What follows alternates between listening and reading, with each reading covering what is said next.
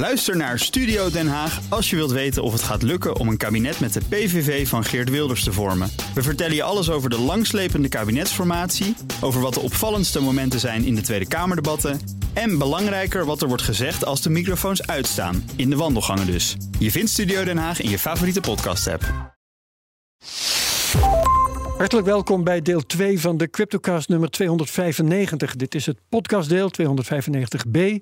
In het radiodeel, het laatste crypto nieuws 295a. Dat vind je als de vorige aflevering. En nu gaan we het hebben over Going Infinite. Dat is het spraakmakende boek van uh, Michael Lewis over Sam Bankman-Fried. En we doen dat met onze gast Matthijs Rotteveel. Hartelijk welkom. Dankjewel. Redacteur Financiële Markten bij het FD. Hoewel bij je laatste column stond redacteur Banken.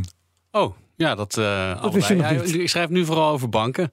Maar uh, financiële markten, dat heb ik ook uh, lang gedaan. Dus ik, ja, het, het, klopt wel. Ja, het Daar klopt staat allebei. de redacteur banken. Mooi zo, prachtig. En uh, co-host is Daniel Mol. Hoi Daniel. Dag Herbert, hallo. Redacteur bij de Cryptocast en BNR Digitaal. Voor we beginnen meld ik dit. Het programma wordt gesponsord door Bitfavo. De grootste en meest gewaardeerde crypto-exchange van Nederland... waar je makkelijk 200 verschillende digitale valuta kunt kopen, verkopen en bewaren. En Matthijs Rotteveel, uh, waar we altijd mee beginnen. Dat hoef je niet te weten, maar ik vertel het je nu. Dat is met de vraag, hoe heb jij met crypto ooit kennis gemaakt? De eerste confrontatie. Ja, dat was uh, in 2017, denk ik. Toen was het natuurlijk de eerste uh, enorme stijging. Ja, wij vinden dat de tweede. Maar dat is oh, de tweede. Niet nou, voor mij. Kijk, ja, voor jou. Er gaan vandaag denk ik veel dingen gebeuren waar jullie dan een andere kijk op hebben dan ik. Ja, maar dit was voor mij de eerste, voor jullie de tweede. En uh, dat was ja, eind 2017. Volgens mij was het met kerst of zo. Toen had ik een neefje en die zei... Ja, ik, uh, die had in, in, uh, in bitcoins uh, belegd. En had al iets van 20. Het was een jongen van nou, in de 20. Had 20.000 euro.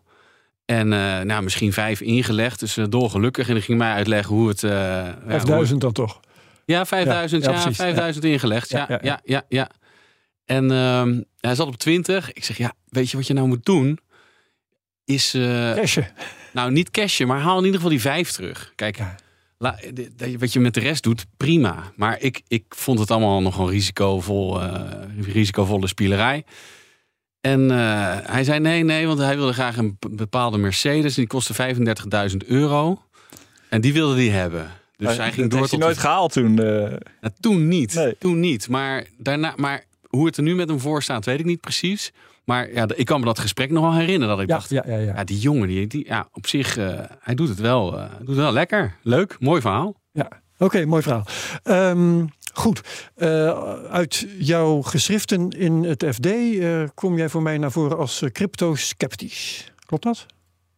Ja, we hebben het hier over crypto's. Dus dan, ja, soms ben ik crypto-sceptisch. Maar dat kan ook bij banken zo zijn. Dat kan bij heel veel onderwerpen zo zijn. Natuurlijk, ja.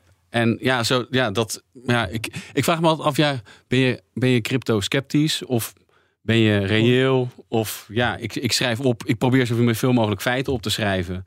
En soms zijn die positief en uh, ja, soms ook negatief. Ja, nee, dat. Wat, wat, wat vond je er zelf van toen je het. Bedoel, je, je vertelde net over je neefje. En dat natuurlijk, dat hebben we volgens mij allemaal wel meegemaakt. Zeker in december 2017. Dat was echt een hele gekke periode. Um, maar wat dacht je er zelf van? Zoiets als bitcoin, zo'n nou, decentraal ja, geld. Even terugkomen uh, op jou, Herbert. Um, ik, ik, ik, wist toen helemaal niet uh, hoe het werkte en hoe die blockchain uh, in elkaar zit. Ik ben nog steeds, als je zegt, natuurlijk, ik ben wel sceptisch over het, de, het, de rol die crypto's op de lange termijn gaan spelen in ons financiële systeem. Daar heb ik zo mijn vraagtekens bij. En toen toen dacht ik, ja, wat is dit voor, uh, uh, voor gekkigheid? En hartstikke leuk. En het is uh, een piramidespel misschien. Misschien zit er wel een, een kern van waarheid achter. Nou, de de, de weet, vergelijking met, met internet wordt natuurlijk vaak gemaakt. Hè? Ja. Toen ging er ook van alles de lucht in. Er is wel iets moois overgebleven. Terwijl heel veel bedrijven van toen omgekukeld zijn. Ja, zo dacht ik er toen ook over. Van, ik dacht, ja, ik kan daar niet zoveel over zeggen, want ik weet er te weinig van. Ik denk, er, ja, ik denk dat het uh, een hoop uh, geklets is. Maar er zou natuurlijk best iets moois onder kunnen liggen... waar we op de lange termijn nog iets aan hebben. Ja, wij nemen dit op op 24 oktober.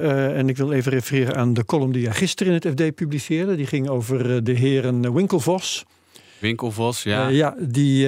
Barry Silbert. Ja. Clement ethisch beroep deden op Barry Silbert van DCG. Hè, of je wil ophouden met leugens vertellen en zo.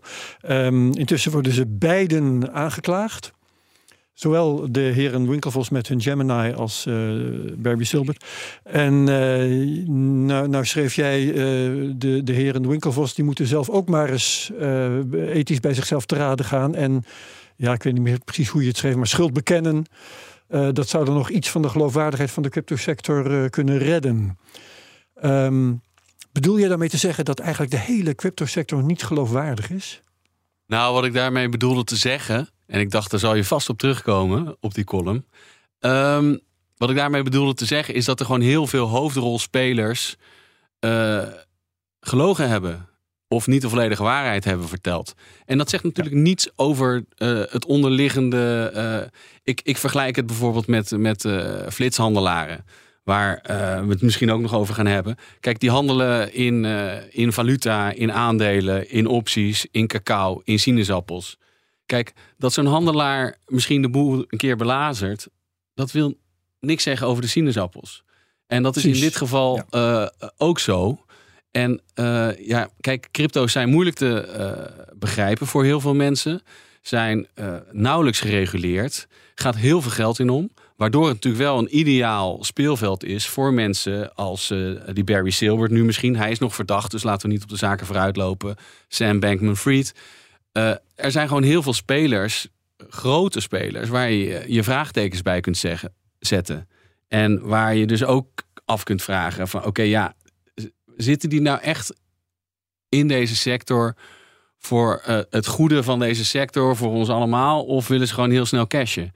En ik denk dat dat laatste bij heel veel spelers het geval is.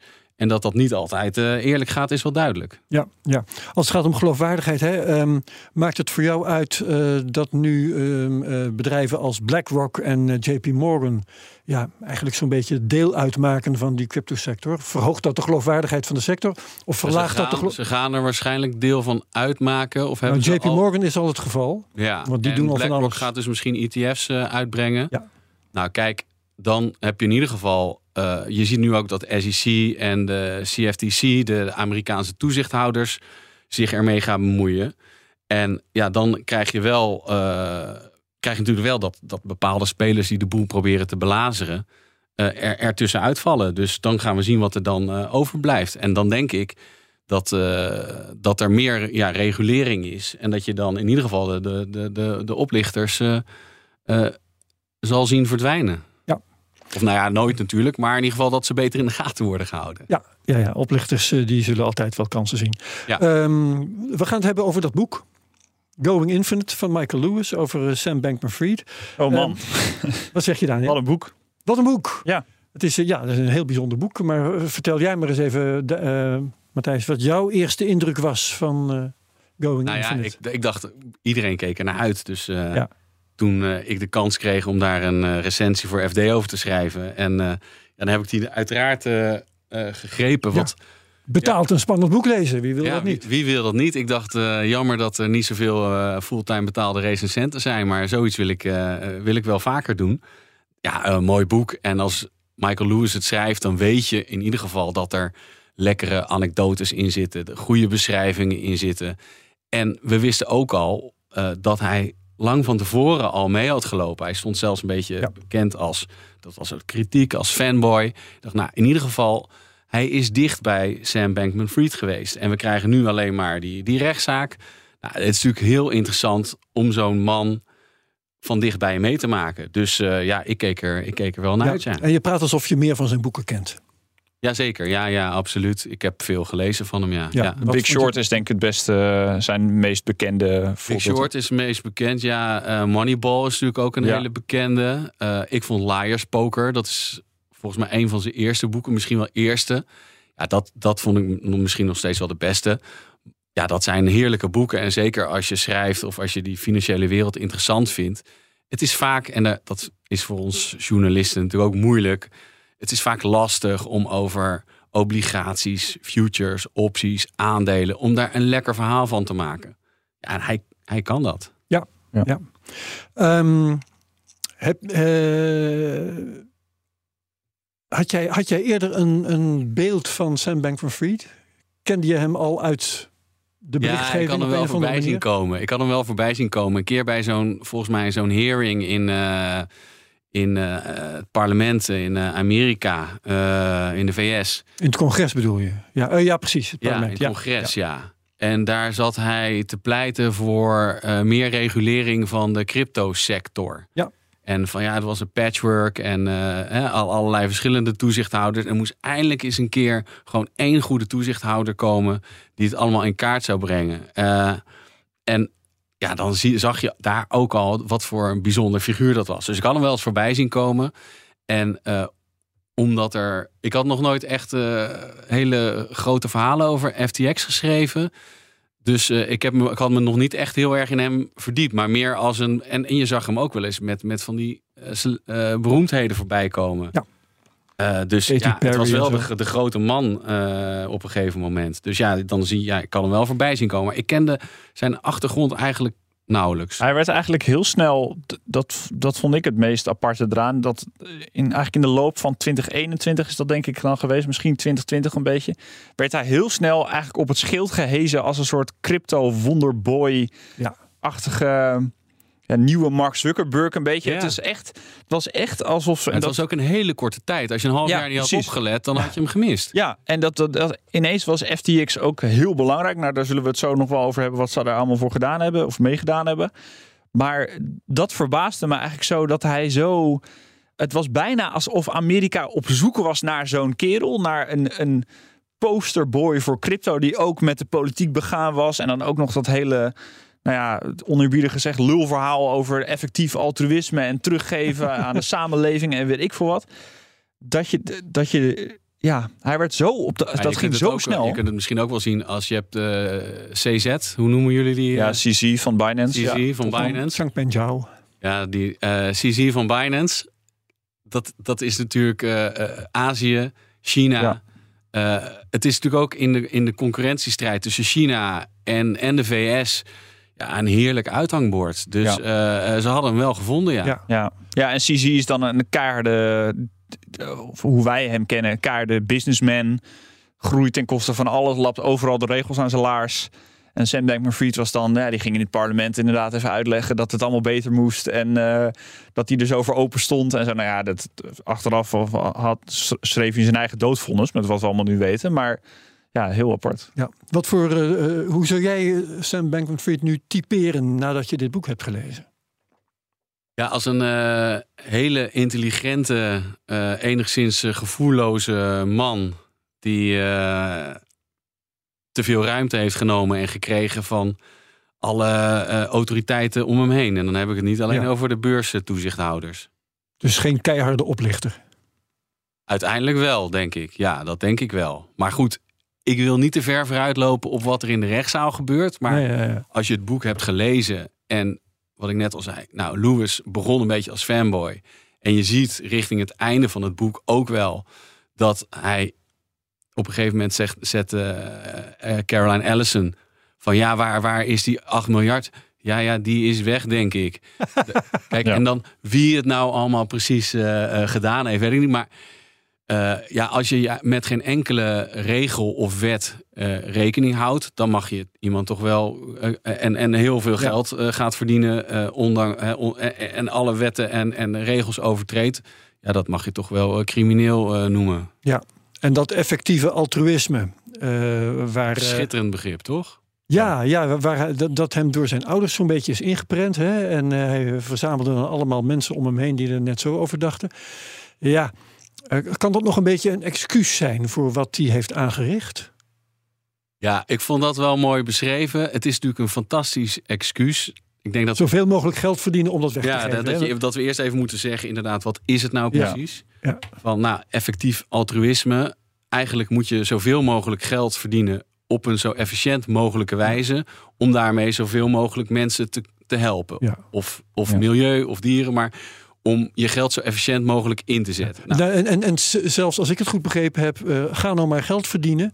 Want je kunt beter eh, heel veel geld verdienen, kun je 20 dokters betalen. En Ja. als je Ja, zelf dokter wordt, dan kun je maar één dokter. Ja. Ja, dat was, dat was een goed voorbeeld. Ja. Van je kan Ja. Sam, Sam Bankman-Fried naar Afrika sturen om mensen te helpen. Ja. Ja. Ik denk niet dat er heel veel mensen in Afrika geholpen zouden zijn als je hem daarheen had gestuurd. Dat had hij zelf ook wel in de gaten. Maar hij wist wel waar hij goed in was. En dat was, nou ja, die rekenmodellen, daar gaan we het nog wel over hebben. Ja. Dus om zoveel mogelijk geld te verdienen en dat dan goed te besteden. Dus dat, was, dat is een mooie excuus.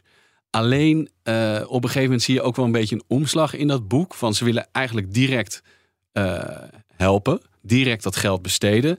En dan, dan komen ze er uiteindelijk op uit. Volgens mij was dat een van hun, eh, van hun inspira- inspirators. Die had een boek geschreven. En daarin stond dat het grootste risico voor de mensheid artificial intelligence, kunstma- eh, kunstmatige eh, intelligentie zou gaan. Is dat die Pieter Singer, Daniel? Eh, Oké, Eh, de, de Toby. Oort, geloof ik. Ja, een andere. Oort. Ja, Oké, maakt niet uit. De Precipe. Ja, goed. Ehm, en, die, eh, en, en de kans daarop dat de, dat, dat, dat de, de mensheid zou vergaan door eh, kunstmatige intelligentie zou ongeveer 1 op 10 zijn. Dus eh, zij gingen dus zo veel- mogelijk geld verzamelen om de mensheid op de in de toekomst te redden.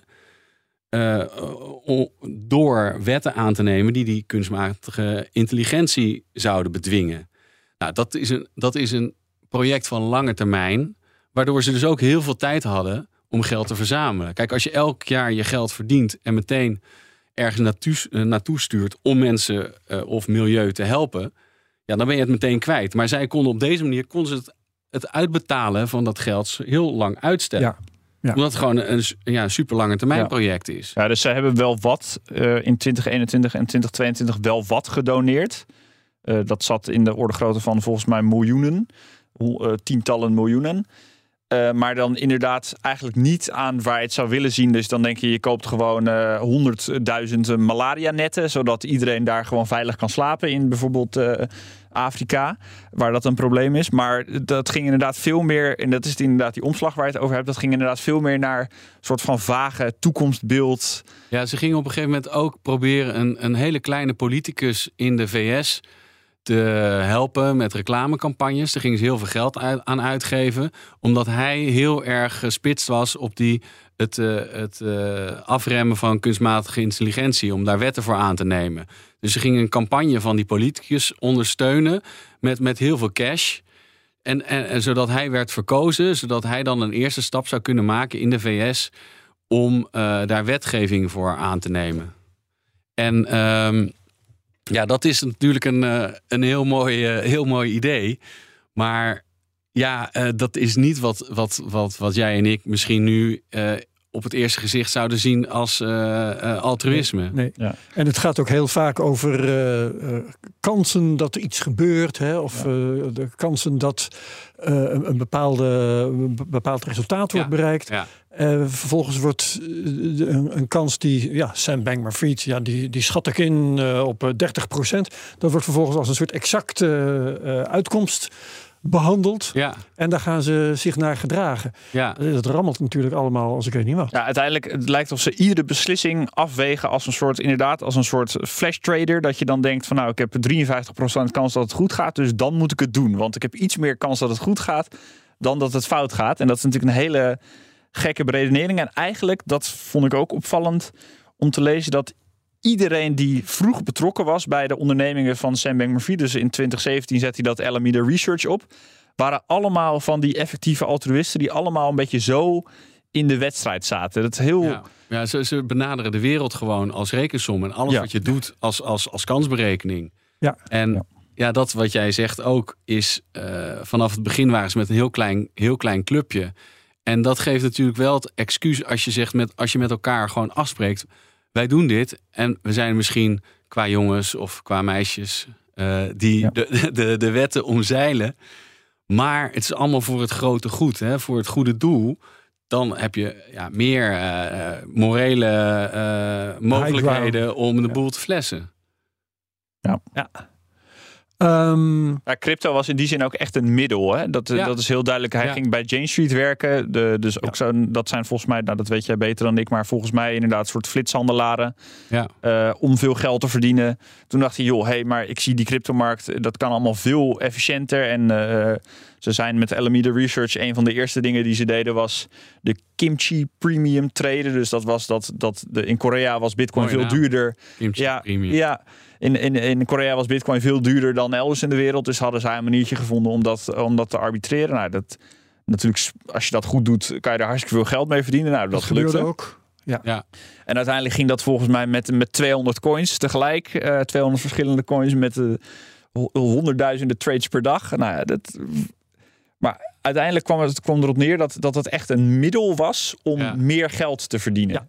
Ja, en ehm, wat, wat, wat ik wel eh, op, opmerkelijk vond, was dat blijkbaar bij dat Jane Street Capital, waar hij dus aanvankelijk werkte, en waar hij trouwens ook tonnen verdiende, hè, meteen al als eh, Ja. net niet meer student, Ja. en ook tonnen weggaf. De- Ja. Dat nam er wel voor hem in hoor, dat hij echt eh, zo eh, snel al heel veel geld ging weggeven. ja. Eh, maar daar werden ze nogal geïndoctrineerd met eh, dat idee van eh, speel met kansen. Eh, doe met elkaar eh, kansspelletjes. eh, schat de kans als het gaat om trades. Ja. Schat kansen in. Ja. En handel voortdurend op zo'n manier dat je je kansen verhoogt. Ja, ja maar En- dat is, hun- dat is het, hun werk natuurlijk. Ja. Ja. is echt geïndoctrineerd. Ja, dat, Ja, maar hij is dat ook gaan toepassen op dingen buiten. ja, ja, Het ja, daar staat natuurlijk ook zo'n passage in waarmee hij een collega echt ja, voor schut zet. Want het zijn natuurlijk allemaal de, de slimste jongetjes en meisjes van de klas.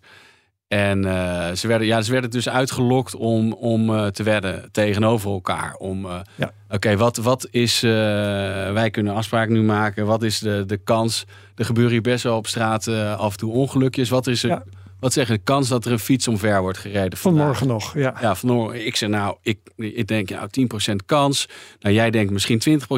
Gaan we tegen elkaar afzetten. Nou, wie, eh, wie het dichtst in de buurt zit, wint. Ze kregen volgens mij een budget van 100, eh, 100 dollar per dag per dag mochten ze vergokken. per stagiair. Ja. Ja, en toen had hij op een gegeven moment, ja, misschien eh, gaat het te ver om dat voorbeeld eh, te noemen, maar had, had zijn, een collega die die ook eigenlijk niet mocht, hè, dat komt ook in dat boek wel naar voren, die had hij eigenlijk eh, zo in de tang, ehm, omdat, die, omdat die collega niet goed had nagedacht over eh, de, de, het, voorbeeld dat ze namen om voor die kansberekening op, op los te laten.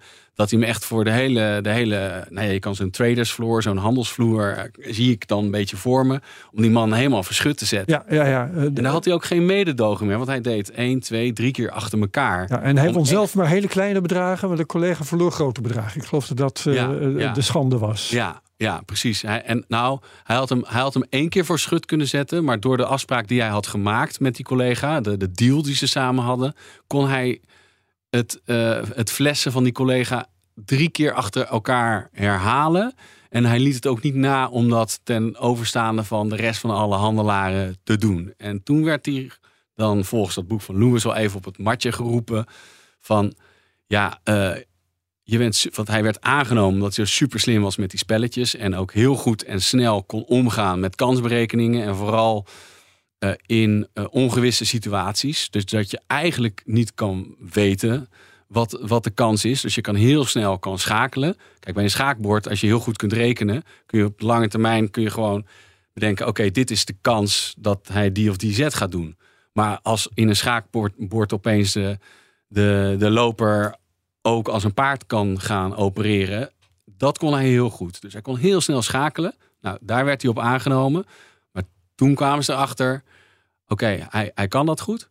Maar hij zet het ook echt meedogenloos in. Ja, ja, hij komt daarover als een soort idioot savant. Hè? Hij, hij kan dit, maar ehm, medelijden of iets dergelijks, hè? of eh, be- begrip, zich empathie, dat eh, is volledig afwezig. Ja, daar, daar, daar schort het wel. Ja, dat komt constant eigenlijk eh, naar voren in het boek. Dat hij op een gegeven moment eh, wordt dan ook duidelijk dat hij heel weinig slaapt. eh, later in het boek.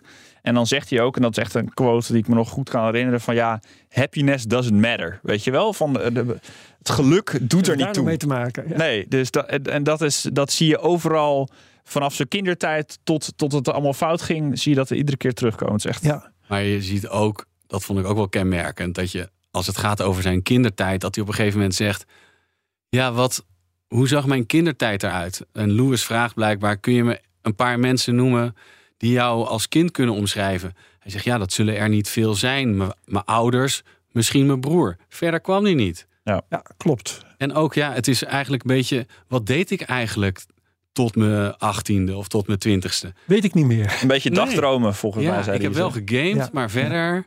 Maar hij was ook voor, dat, dat begrijp ik dan ook wel van Michael Lewis, eh, voor zijn klasgenoten. En daar was hij iemand die liep daar wel rond, maar ze hadden geen idee wie die was. Nee, nee. Dus hij was altijd wel echt een, een buitenbeentje, ja. Ja, Ja.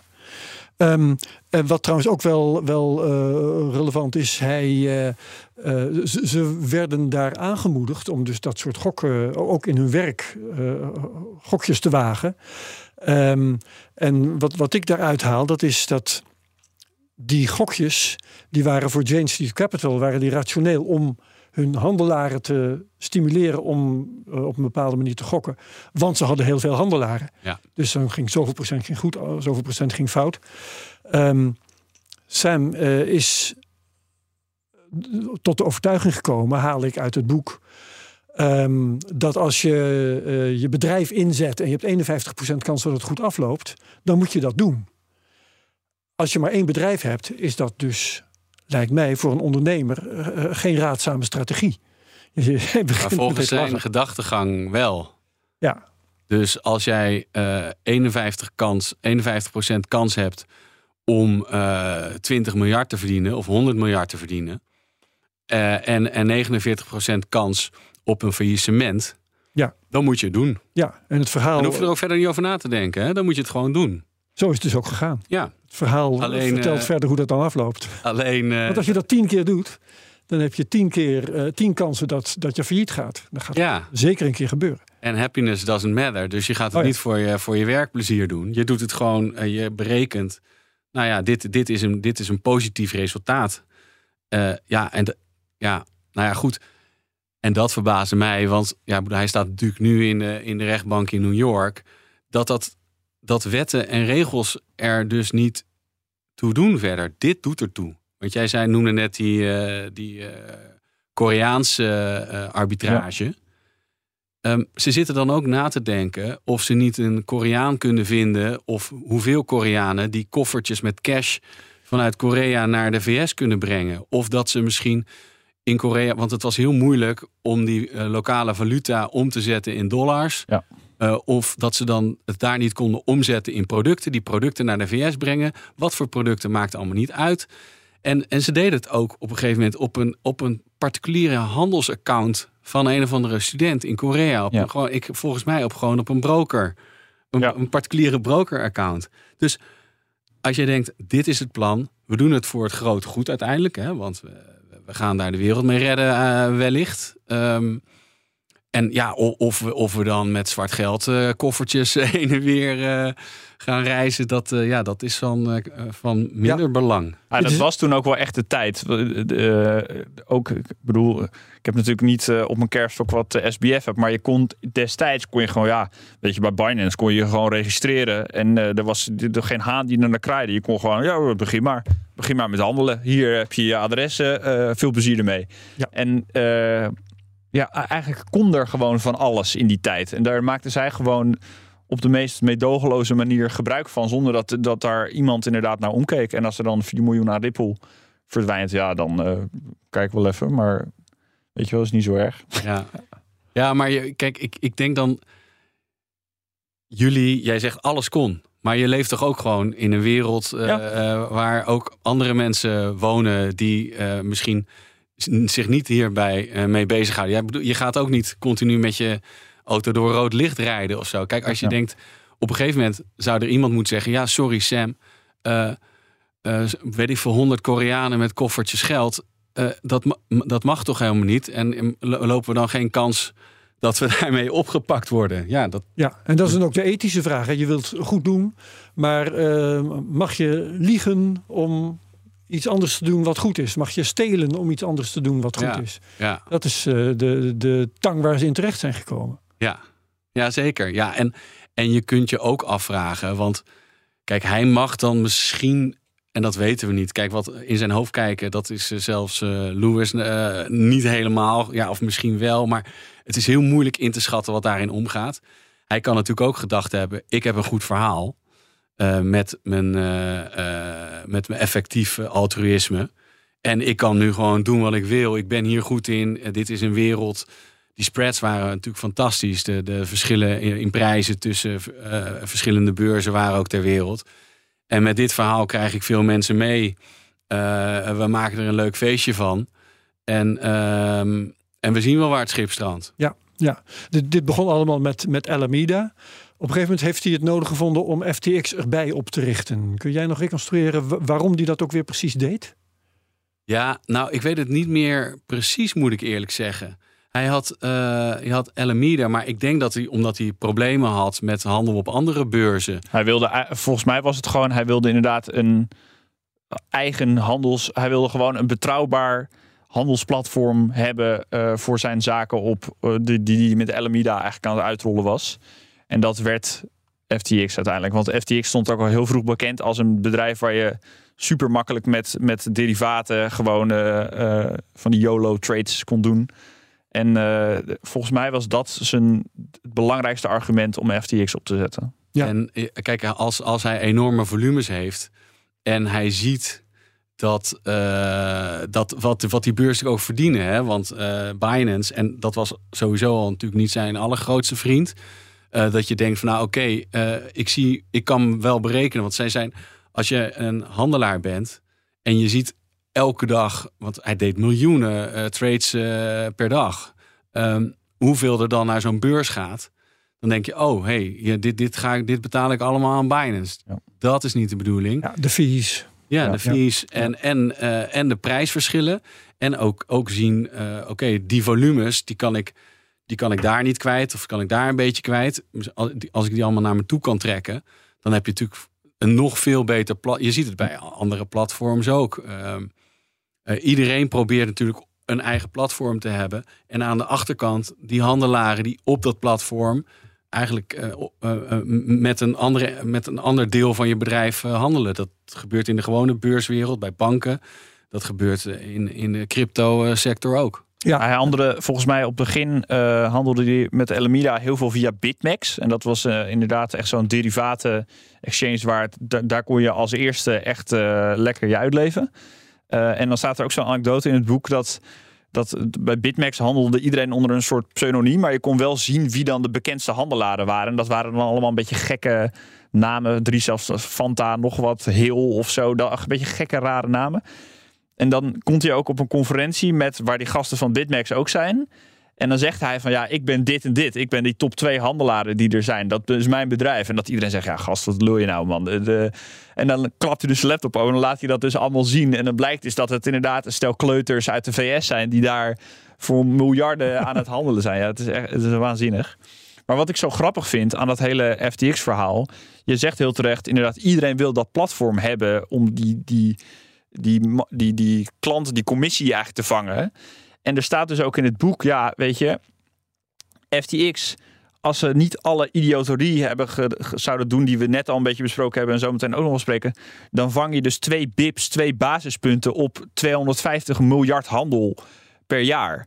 En dan word je dus gewoon, ja, twee basispunten, dat is 0,02 procent. Daar word je gewoon steenrijk van door gewoon alleen dat te faciliteren. Verder had hij niks hoeven doen. Ja. Hij had niet, weet je, als hij gewoon zeg maar gestopt was met de Alameda Research en gewoon FTX had gedaan, ja, dan eigenlijk had het gewoon het bedrijf nu nog gewoon. Ja, kijk naar Binance. Nou. Ja, en, en ja, wat het, jullie zeiden net, uh, Bitcoin ging naar 30.000. Uh, 35 bijna. 35 Vandaag bijna. je? Ja. ja. ja.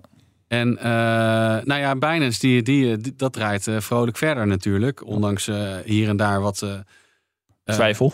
Ja, wat twijfel of gedoe met wat autoriteit hier en daar. Maar het, het, draait, het draait gewoon nog prima. Als ja. hij dat ook zo had gedaan en dat gat van Alameda uh, niet was ontstaan, dan had hij nog vrolijk uh, door kunnen gaan. Ja. Ja, uh, wat de vraag oproept um, dat die bedrijven zo zijn verweven en dat op een gegeven moment niemand meer wist wie nou eigenlijk voor welk bedrijf werkte en welk geld nou eigenlijk van welk bedrijf was en waar het trouwens überhaupt lag.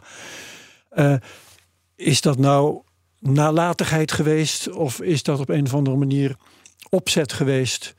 om uh, dingen uh, te verduisteren. Ja, nou ja, misschien kunnen jullie dat beter zeggen dan ik. Kijk, Binance heeft natuurlijk ook heel lang of nog steeds geen hoofdkantoor. Dus het, het, het, het is ook, en als je daarna. Daarvoor moet je opzet om de regels te ontduiken, want veel andere motief kan er moeilijk zijn daarvoor. Om, ja, nou ja, goed. Het, het past in het Lewis-verhaal. In het Lewis-verhaal past het wel van, ja, hij is chaotisch. En je ziet ook wel. Ehm, je ziet ook wel uitleg van eh, dat hij op een gegeven moment zegt: ja, titels, uh, managing director, uh, ja, CFO. Job titles, ja. Ja, CFO vond hij vreselijk. Ja, mensen vragen aan mij waarom ik geen CFO heb. Ik weet toch wel hoeveel geld er in ons, mijn bedrijf is. Wat kan een CFO eigenlijk? En dat is ook natuurlijk een beetje afzetten. En dat is hartstikke leuk. En, en, en veel durfkapitalisten die vonden dat ook hartstikke mooi allemaal. Die dachten, ah, dit is. En die brachten daar hun miljoenen uh, naartoe. En hij liep in zijn korte broek en de blote voeten. Hartstikke en, leuk. En de grote revolutionair. Dus qua verhaal is het goed. Ja. Um, maar ik denk dat hij op een gegeven moment wel verstrikt is geraakt in zijn eigen problemen. En dat het hem dan op, ook wel uitkwam dat het totaal onoverzichtelijk was en niemand precies weet hoe het in elkaar zit. Ja, het was vanaf moment 1 al wel, dat staat ook vrij duidelijk in het boek, dat bijvoorbeeld de kantoren van Alameda en FTX, dat was gewoon eigenlijk één kantoor. Dus één ruimte zo ongeveer. Ja, ja. en uh, de Sam's bureau stond daar en eigenlijk was het vanaf het begin al uh, nou ja, bijna, het niet, misschien dus niet opzettelijk by design, maar gewoon omdat het gewoon zo makkelijk zo ging, dat het eigenlijk een beetje hetzelfde bedrijf was. En gaandeweg in het boek, dat is er dus denk ik ook echt gebeurd, wordt steeds duidelijker dat, dat Alameda een soort van uitzonderingspositie had uh, op FTX. Dat zij gewoon eigenlijk oneindig konden ja, YOLO treden. Technisch gefaciliteerd en ook heel nadrukkelijk inderdaad eh, in opdracht van Sam ja, Bankman-Fried dus, dus, gerealiseerd. Ja, handelaren van Alameda Research uh, konden dus niet geliquideerd worden. Dus uh, de, de FTX had ingebouwd uh, dat je. Dat echt een heel mooi principe is dat. Ja. Dat je niet meer geld kon verliezen dan je in eerste instantie inbracht. Dat is denk ik wat je bedoelt. Ja. En dat ze de Alameda was die regel gold niet voor Alameda. Dus daar Negatief gewoon... is nul, hè, was de naam van de, van de truc. Dus daar kon je eigenlijk gewoon uh, oneindig treden. En dat hebben ze veelvuldig gedaan. Uh, maar even over die, die regel. Kijk, dat is bijvoorbeeld zoiets wat, wat in, die, in de cryptosector uh, doorgevoerd is. En dat is natuurlijk gewoon een hele slimme regel. Als je in de buurt komt van je grens, van je kapitaalsgrens, gaan wij het gewoon meteen uh, rigoureus afbouwen. En dan ga je verlies. En, en hoef je, geen, hoef je verder geen uh, margin niet uit te rekenen wat de, wat de koersbewegingen kunnen zijn. Als je in de buurt komt, bang, gewoon afbouwen, klaar. Wat een eigenlijk een hele slimme innovatie is. En als hij dat nou gewoon voor iedereen had doorgevoerd, maar volgens mij hadden ze zelfs in het, uh, in, uh, in het programma zitten dat, dat Alameda oneindig ja. uh, posities ja, kon innemen. Tot 65 miljard geloof ik. En er waren ook gewoon dus de grote jongens waar we het net even over hadden. Jane Street en uh, Virtue en Citadel, de flitshandelaren uit de VS. Die, vroegen zich, die, die wilden meedoen met het spelletje, want er was geld in te verdienen. Maar die hadden wel te maken met die strenge regels. En iedereen probeert natuurlijk uit te zoeken van oké, okay, uh, heb ik een goede deal met FTX of heeft mijn concurrent een betere deal? Wat is, zijn, is zijn marge? Wat, uh, hoe, uh, lopen wij achter de eigen handelaren van Alameda aan? Ja. Hè? Want als je maar een mini milliseconde voorsprong hebt, dan kan je daar ook. Dus ze waren de hele tijd aan het, aan het uitzoeken van oké, okay, wat is nou mijn concurrentiepositie ten opzichte van anderen? En op een gegeven moment denken ze dat dan te begrijpen. En nou ja, goed, dat is. Maar ik, ik sprak hier ook met flitshandelaren die in die crypto-sector actief zijn. En die zeiden: ja, kijk, dan krijg je zo'n. Je krijgt een voorstel en dan zeg je: ja, jij behoort bij de kopgroep. Ja, er zijn maar drie spelers die deze mogelijkheden krijgen, die zo snel handelen. En dan zie je na uh, een jaar dat je omzetten omhoog gaan. En dan blijkt opeens dat we toch niet bij de kopgroep behoorden. Dus nou, dat was daar natuurlijk continu het spel van. Maar ze hadden nooit gedacht dat zij wel een limiet hadden. En dat ja. gewoon vrij spel had. Geen grens. Ja. Doe maar.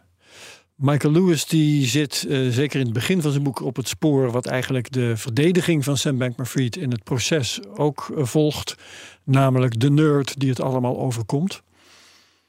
Um, wat is jouw conclusie? Nou, ik denk uh, dat dat misschien in het begin het geval is geweest, maar op een gegeven moment niet. Want op een gegeven moment dan is het als je al net. Ja, je kan misschien net doen of ik wist het niet. Maar je bent wel de CEO. Maar ik geloof er helemaal niks van. Hij had op een gegeven moment, er was 5 miljard kwijt. En hij had geloof ik 300 verschillende eh, investeringen lopen. Ja. En hij- ik geloof dat hij elke dag wel een beslissing moest nemen over, over zijn feestportefeuille. Die dan, zo Ja. werd het genoemd volgens mij, zijn hobby's. Ja, ja de Dragons Hoard met allerlei, zaten allerlei idiote coins in. Allemaal dingen die eigenlijk niet snel geliquideerd. Gewoon zoveel verschillende dingen in zijn port portefeuille dat je denkt van, eh, ja, hoe, hoe heb je dit ooit opge... Ja, het is echt En waanzinnig. als die Klopt wel, ja. eh, Caroline Ellison vaker zei, zij was dan formeel de baas van Alameda. Als die een paar keer naar je toe komt en zegt: Ik kan dit niet. Ik weet niet wat er gebeurt. Doe dan iets. Ik kan mijn handelaren niet controleren. Ja. En daarmee schrijf je natuurlijk ook weer eh, de schuld naar die handelaren toe en naar haar toe. Maar als dat al het geval zou zijn, dat, dat zij echt eh, eh, zegt van ja, ik kan, ik kan dit gewoon, ik ben hier niet geschikt voor. En, en ja, in, in, de, in de echte de basissoftware van, dat, van die hele FTX zit gewoon een gat van 8 miljoen, omdat ze vrij spel hebben. Miljard, ja. Eh, sorry, ja. Eh, oh ja, eh, ja. Het Thank gaat you. even om wat grotere. Ja. Nee, en ook dat je dat die, die, die ene collega gaat naar Bahama's toe om, om, om een hoofdkantoor te kopen. Die geeft in twee weken meer dan 300 miljoen uit. Ja. Ja. Ja, dat zat hem in alles, ook in marketinguitgaven. Dat er gewoon, ja, Tom Brady, eh, dat is de bekendste quarterback van Amerika zo ongeveer. Nou ja, als die dan, ja, weet je, een reclametje opnemen en dan nog het ongeveer 20 uur verspreid over het hele jaar.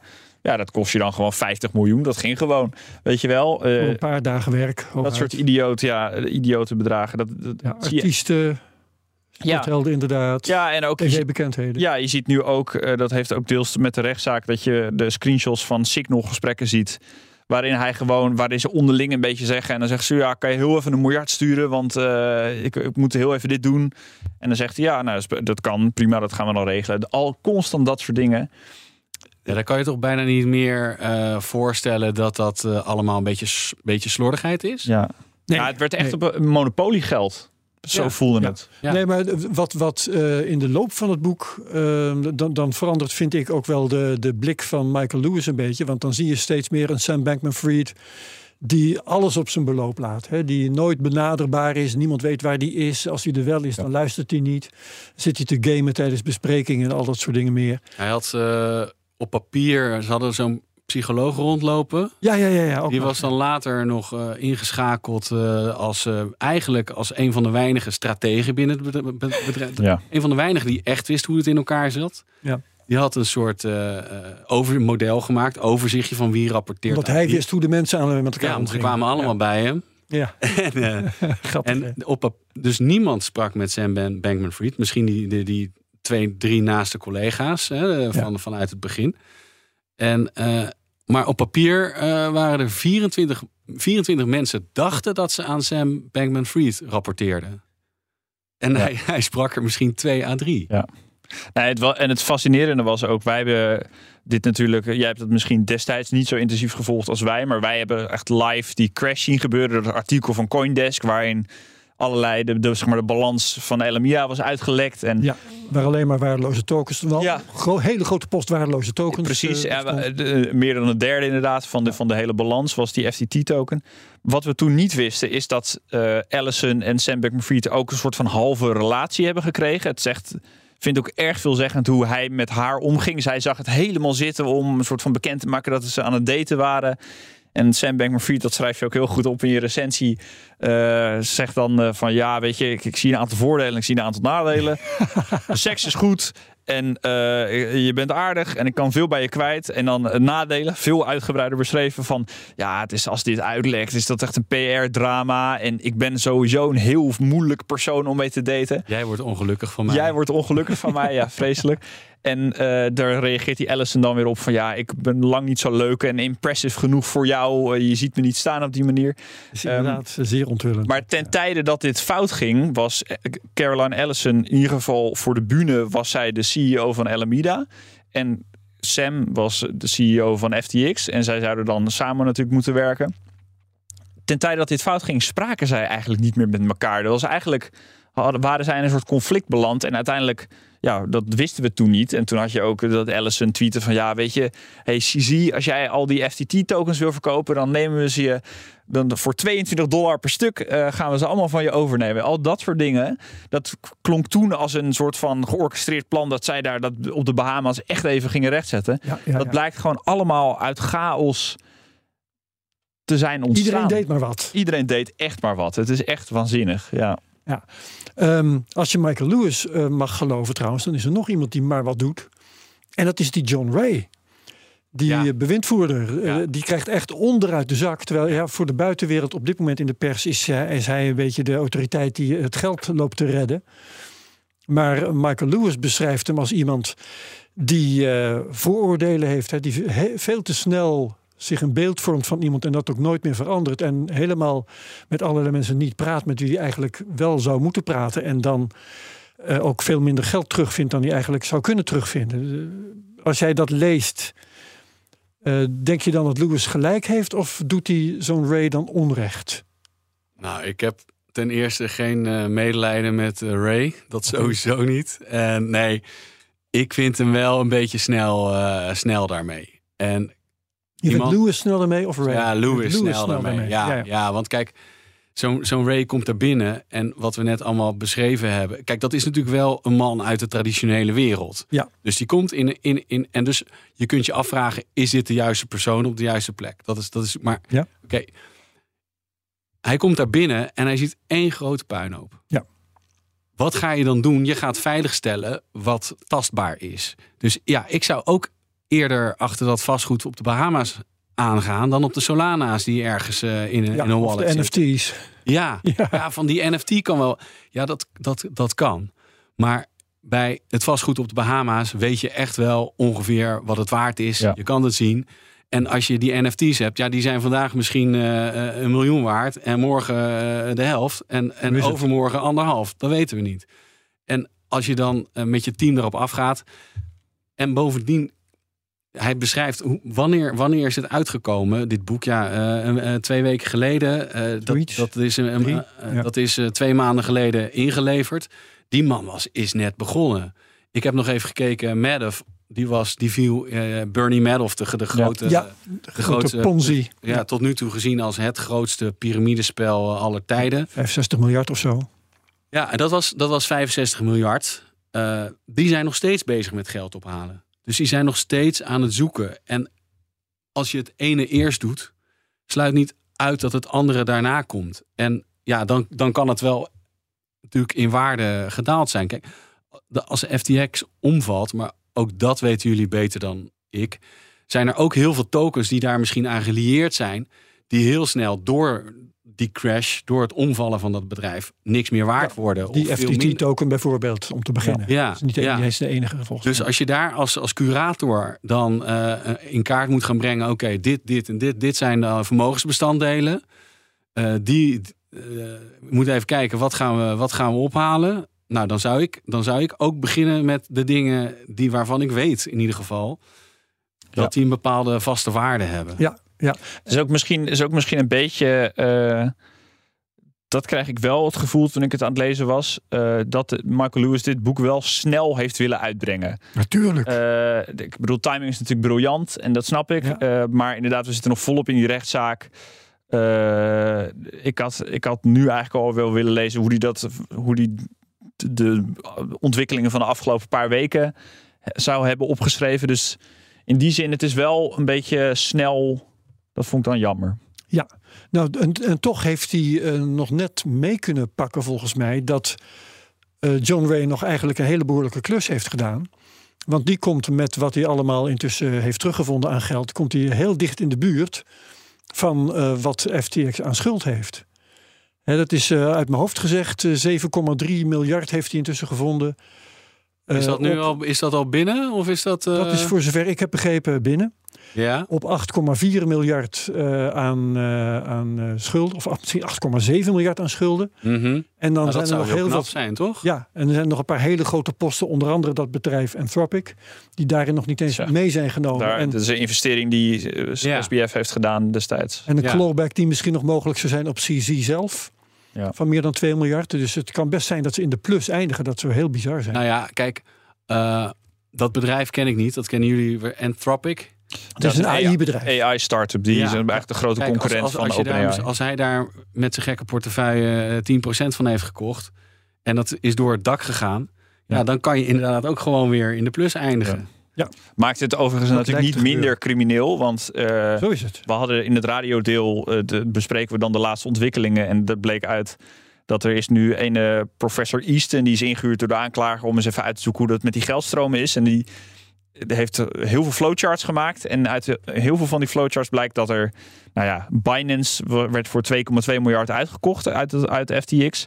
1,2 miljard daarvan was klantengoeden.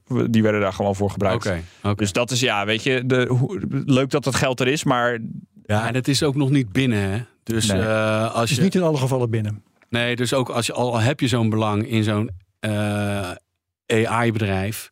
Ja. Kijk, als, als de hype daarop voorbij is en het, en het, eh, het is over twee maanden weer de helft waard, Ja. dan, eh, dan zit je misschien weer met een paar miljard Ja. tekort. Je kunt dat pas cashen als er een nieuwe dat is emissie altijd komt. wel eh, het. beursgang. Dat was met heel veel van, van die. eh ze hadden, dat komt ook heel erg naar voren in het boek. Dat zij, er waren heel veel plekken waar wel, oh, waar wel geld zat. Eh, en dan als voorbeeld heb je bijvoorbeeld die Solana. Volgens mij had hij echt eh, nou, een heel groot deel van de supply van Solana had hij in kas. Als een, in zijn Dragon's Hoard, hoe ze dat zeggen. Dus dat was, ja, dat vertegenwoordigt inderdaad een waarde. Maar als je dat moet liquideren.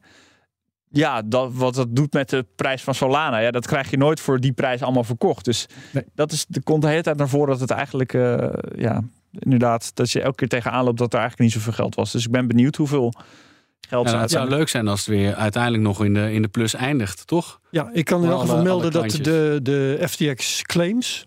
die worden op dit moment verhandeld op eh, 52 eh, Ja, cent ik zag het inderdaad. dollar. Ja, ja. Dus dat, dat maar is- die, die, dat, Dat was begin van het jaar nog 10 cent. ja, maar nog geen eh, dollar. Nog geen dollar. Nee, nee dus en er zit natuurlijk ook de vertraging in. Vertraging ja, en opportunity cost. eh, ja. Want dat is bij, eh, ik zag dat, ik had dat even, even- even nagekeken bij Madoff.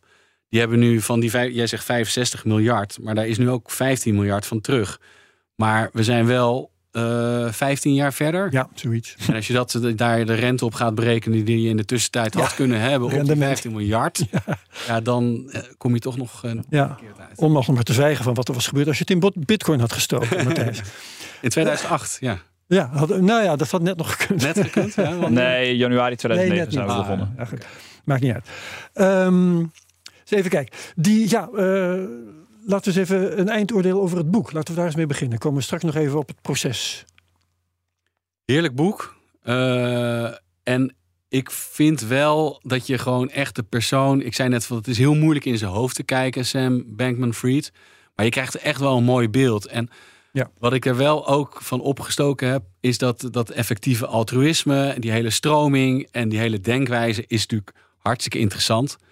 De puinhopen die worden beschreven binnen dat bedrijf. En, en ja, ik moet het ook toegeven de e-mails met bullet points over hoeveel ze van elkaar houden, dan wel niet. Oh man. Ja, dat is natuurlijk fantastisch.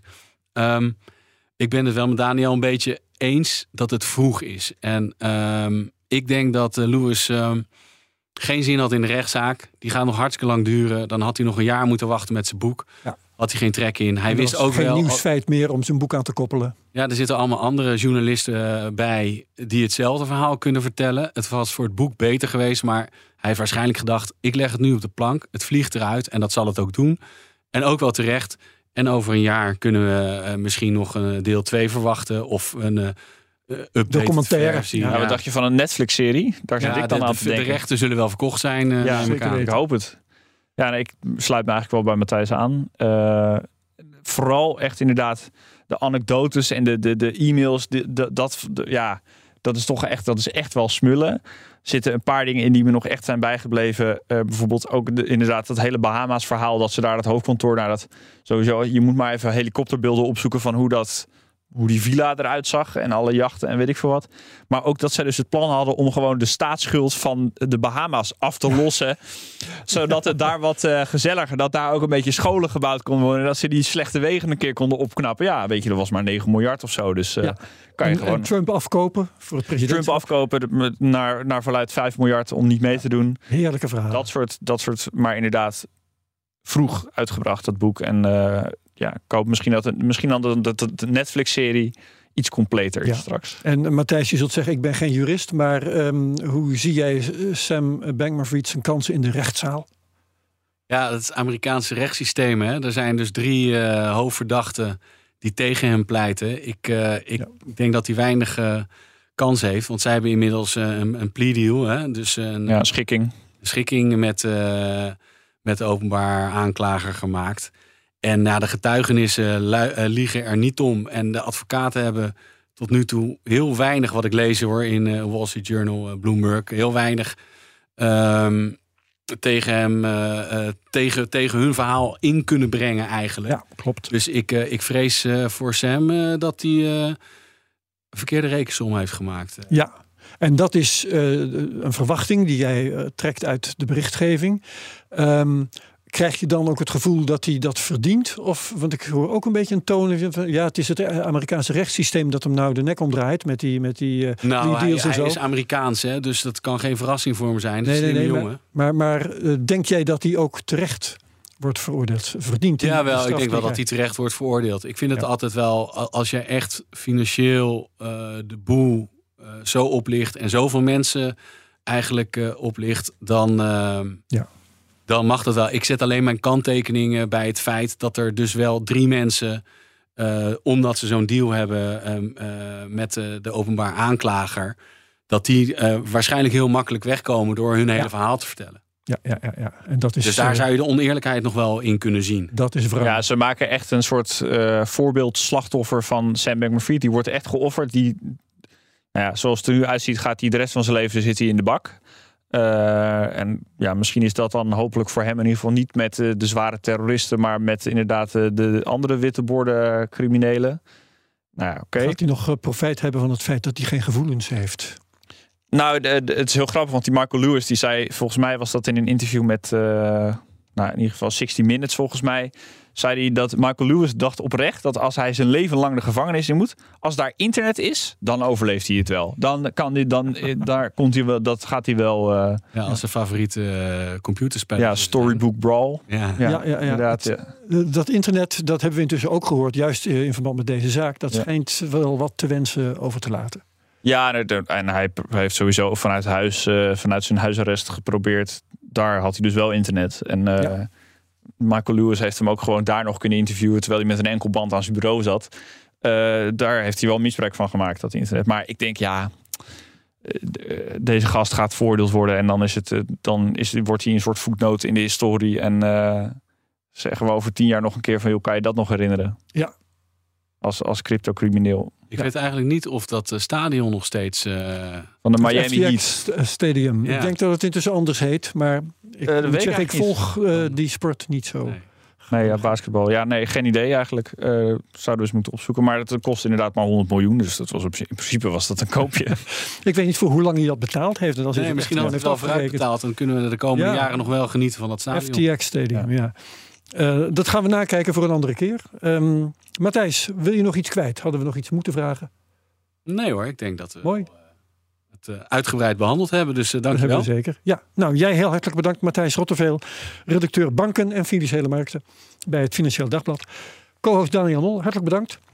Vergeet de CryptoCast niet te delen met je volgers op Twitter met de mention CryptoCastNL. Doe uh, reviews op Apple Podcasts, dan worden we beter gevonden. Like, subscribe en comment op YouTube. Iedereen bedankt. En graag tot volgende week bij de CryptoCast. Dag. CryptoCast wordt mede mogelijk gemaakt door Bitfavo, de crypto-exchange van Nederland. Ook Diana Matroos vind je in de BNR-app. Ja, inderdaad. Je kunt live naar mij luisteren tijdens de Big Five. Ook handig in de BNR-app. Breaking nieuwsmeldingen, maar ook het allerlaatste zakelijke nieuws. En je vindt in de app alle BNR-podcasts, waaronder Wetenschap Vandaag. Download nu de gratis BNR-app en blijf scherp.